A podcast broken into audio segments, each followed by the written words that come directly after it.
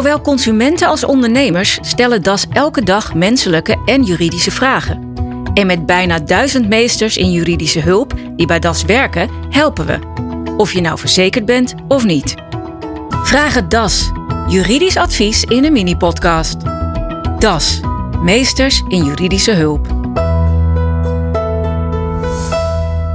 Carolien, eh, fijn dat je er weer bent. Uh, we gaan het hebben over privacy, het belang ervan. Wat als je een datalek tegenkomt en waarom het als ondernemer belangrijk is om een privacyverklaring te hebben en te borgen. Maar eerst nog eventjes. Jullie zijn natuurlijk echt meesters in juridische hulp. En jullie kijken natuurlijk altijd echt naar het persoonlijke verhaal ook achter ieder dossier. Hè? Zeker, zeker. En dat, dat zie je bij particulieren, maar dat zie je bij ondernemers eigenlijk niet anders dan, dan ook een grote onderneming, op het moment dat ze ons bellen of met de zaak komen, dan zijn er vaak mensen die daar wat buikpijn van hebben. Ja. En die er wakker van liggen. En dan maakt het weinig uit of je particulier of zakelijk zit. Uh, um, dan, is het, ja, dan, dan doet het gewoon pijn, om het zo maar te zeggen. Ja, helder. Nu gaan we het echt hebben over privacy. Daar gaan we op inzoomen. Waarom is een privacyverklaring belangrijk? Privacy, daar zijn eigenlijk verschillende redenen. De belangrijkste reden voor veel ondernemers, althans, dat is de, dat de AVG hem verplicht stelt. Mm als je gegevens verwerkt, moet je de mensen van wie je die gegevens verwerkt, moet je informeren. Er is een informatieplicht. Dus dat is voor veel ondernemers de belangrijkste reden. Maar wat ik persoonlijk vind, ik vind hem voor de betrokkenen ook heel belangrijk. En ook voor jou als ondernemer. Je wil je klanten vertrouwen geven. Dus je wil openheid geven over wat je met die gegevens doet. Dat schept vertrouwen, dat schept een band, is goed voor je business. Ja, dus voor alle partijen is het belangrijk. Precies. Ja, wat moet er dan in de privacyverklaring echt staan? Wat is belangrijk? Nou, een aantal dingen die erin moeten staan zijn natuurlijk de contactgegevens van je eigen organisatie. Hè? Dat klanten je ook op die manier goed kunnen vinden. Je moet laten weten welke persoonsgegevens je verwerkt zodat mensen weten van, joh, welke gegevens van mij liggen waar, om het zo maar te zeggen. Ja. Maar ook bijvoorbeeld met welk doel en wat de grondslag is. Dus, dus dat moet je, moet, je, moet, je, moet je laten weten. Maar ook of je gegevens deelt met andere organisaties is belangrijk. Hoe lang gegevens bewaard worden. Maar ook wat de rechten van betrokkenen zijn. Hè? Dus als het jouw klanten zijn, van wat kunnen jouw klanten? Dat ze inzage mogen vragen. Dat ze mogen vragen om gegevens te wissen, te corrigeren. Dat ze toestemming kunnen intrekken. Ja, kun je dan ook voorbeeld geven van bijvoorbeeld van dat soort verwerkingen en grondslagen? Nou ja, wat je bijvoorbeeld ziet met grondslagen. Vaak worden gegevens verwerkt voor het uitvoeren van een, van een dienst. Hè? Dus de verkoop van een product of, of, of zoiets. Mhm. Ehm, alleen een, een, een organisatie wil graag ook wel wat meer met die gegevens doen. Als je net hebt over bepaalde nieuwsbrieven die gestuurd worden. Als je net hebt dat ze samen willen werken met een andere organisatie en jou voor die diensten willen benaderen. Ja, daar is dan soms toestemming voor nodig. Dat is ook zo'n grondslag. Ja, nu hebben we het echt over een privacyverklaring. Maar als we kijken naar datalekken, hè? Uh, dat horen we regelmatig. Uh, gebeurt het ook echt heel vaak? Het gebeurt heel vaak. Kijk, als je het hebt over de melding bij. Een, een, een serieus datalek moet gemeld worden bij de autoriteit persoonsgegevens. Nou, als je dan ziet, 2020 zijn er zo'n bijna 24.000 lekken gemeld. Mhm. Dus er zullen er echt nog veel meer zijn geweest. Dat zijn er weliswaar uh, wat minder dan in 2019. Maar wat je wel ziet, is dat er veel meer criminaliteit is. Dus de, het hacken, de malware en de phishing is met 30% gestegen. Ja, dat is heel veel. Want als je het hebt over datalekken, kijk, die kunnen op verschillende manieren plaatsvinden. Hè? Wat, wat in het gros van de gevallen, ik denk nou zo'n twee derde ongeveer, is het gewoon een menselijke fout. Er worden gegevens, dossiers of iets naar een verkeerd e-mailadres gestuurd. Dat heb je bijvoorbeeld in je, in je adresbalk. Hè? Dan begin je met het type van een naam. Ja. En dan vult hij het zelf al in. Maar ja, nou heet je collega heet Piet. Maar die partij waar je zaken mee hebt gedaan, die heet ook Piet. Ja, en welke, welke pakt de automatische eh, generator dan? Dus dat, dat is er uh, een die heel veel, uh, heel veel gebeurt. Wat kun je dan doen bij een datalek? Nou ja, als je als organisatie een datalek hebt, is het belangrijkste uh, dat je als eerder, eerste overzicht krijgt. Dat je onderzoekt wat is er gebeurd. Vervolgens, als je dat in kaart hebt, is het ook heel snel schade beperken. Dus zijn er bepaalde lekken, staan die bij wijze van spreken nog open? Kunnen er bijvoorbeeld van buitenaf mensen nog bij, bij de gegevens? Nou, dat moet je meteen dichtzetten.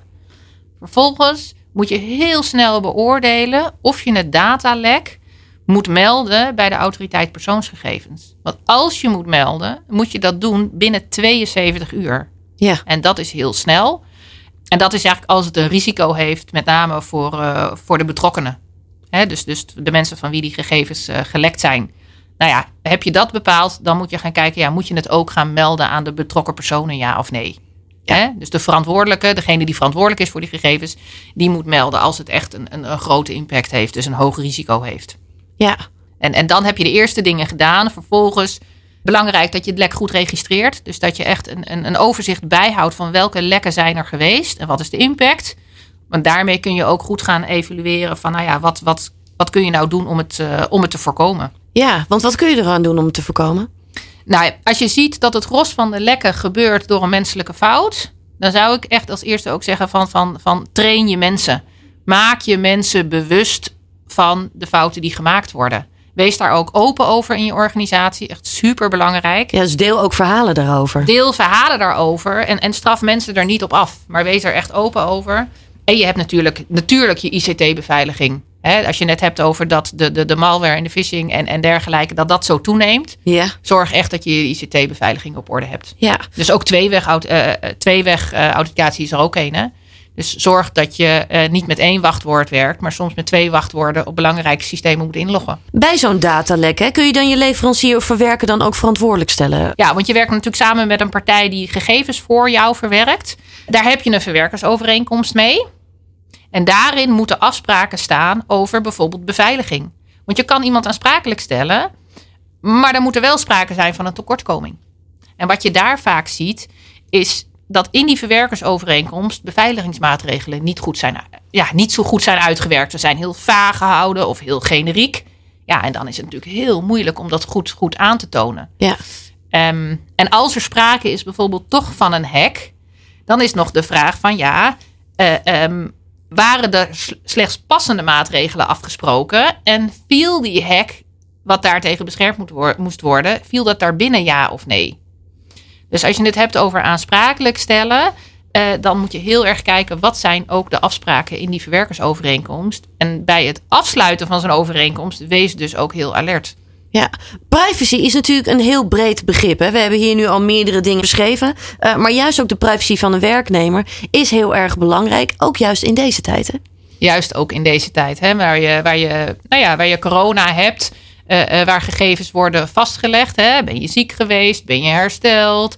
Word je gevaccineerd? Ben je gevaccineerd? Nou ja, al dat soort uh, zaken, ja, dat is enorm belangrijk. Ja, als we dan kijken, hè, je wilt bijvoorbeeld dat je werknemer zich vaccineert. Kun je dat verplichten? Nee, kun je niet verplichten. Vaccinatie is echt een eigen keuze van mensen. En, en ik kan me voorstellen dat sommige werkgevers zeggen: Nou, laat mijn mensen zich vaccineren. Dan kan iedereen weer fijn aan het werk en is het risico verkleind. Maar dit is echt een autonome keuze. Ja, ja. Uh, kun je bijvoorbeeld wel je werknemer verplichten om een mondkapje te dragen? Nou, dat ligt iets anders, want bij een mondkapje gaat het om hygiëne. En een werkgever heeft, nou ja, heeft instructierecht. Mhm. Die mag, je mag van je werknemers vragen dat ze zich houden aan bijvoorbeeld die hygiëneregels. En daar valt zo'n mondkapje ook over. Dus dat kun je zeker vragen als werkgever. Ja, en het controleren op corona, mag je dat verplichten? Mag je ook niet verplichten. Terwijl je kan je natuurlijk wel voorstellen, als je een organisatie hebt en je bent er bang dat er eentje met corona rondloopt.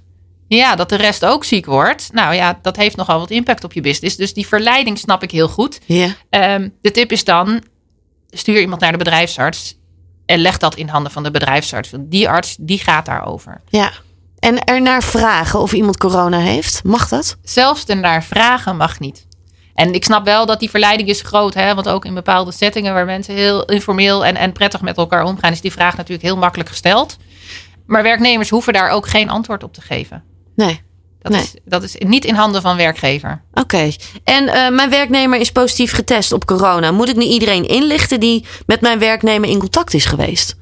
Dat is ook iets wat je, wat je, wat je niet mag doen als werkgever. Hè? Want het zal natuurlijk ook behoorlijk wat impact op, op zo'n werknemer hebben als dat zo het, het bedrijf ingaat.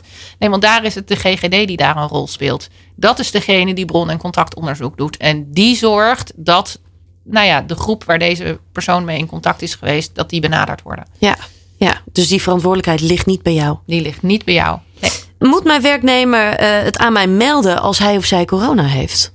Ook dat hoeft een werknemer niet uh, te melden. Uh, je mag er niet naar vragen en hoeft het ook niet te melden. Nou, en het lastige is nu, wat doe je nou als een, een, een werknemer het vrijwillig tegen je, aan, je, aan je zegt? Ja. Hè, de verleiding is, is groot om daar iets mee te doen. Maar het enige wat je kan doen is hem sterk te wensen. Eventueel nog langs de bedrijfsarts. Maar ja, op het moment dat iemand corona heeft, wil je hem ook niet bij de bedrijfsarts hebben. Dus ik zou zeggen, ga naar huis en ziek uit en veel sterkte. Als iemand ziek is, mag je die dan ook echt zo naar huis sturen? En kijk, op het moment dat iemand ziek is, je bent als werkgever verantwoordelijk voor uh, ook de gezondheid op, uh, op het bedrijf. Dan kun je iemand naar huis sturen, maar laat het daar niet bij en stuur iemand weer naar de bedrijfsarts. He, dus hetzelfde als iemand bijvoorbeeld burn-out klachten heeft, waar je, waar, waar je als werkgever van hmm, ga, valt die om of valt die niet om, wat gaan we doen? Mm -hmm. uh, um, het is eigenlijk hetzelfde, stuur iemand naar de bedrijfsarts en die gaat bepalen of iemand fit genoeg is om te werken, ja of nee. En met corona is dat in die zin hetzelfde. Ja, helder. Nou, we zijn weer een stuk wijzer geworden hier zo, Carolien. Ik wil je heel erg bedanken voor het delen van al deze tips. Nou, dankjewel. Graag gedaan. Wil je meer weten of direct juridische hulp nodig? Kijk op das.nl slash ondernemer slash personeel. Das. Meesters in juridische hulp.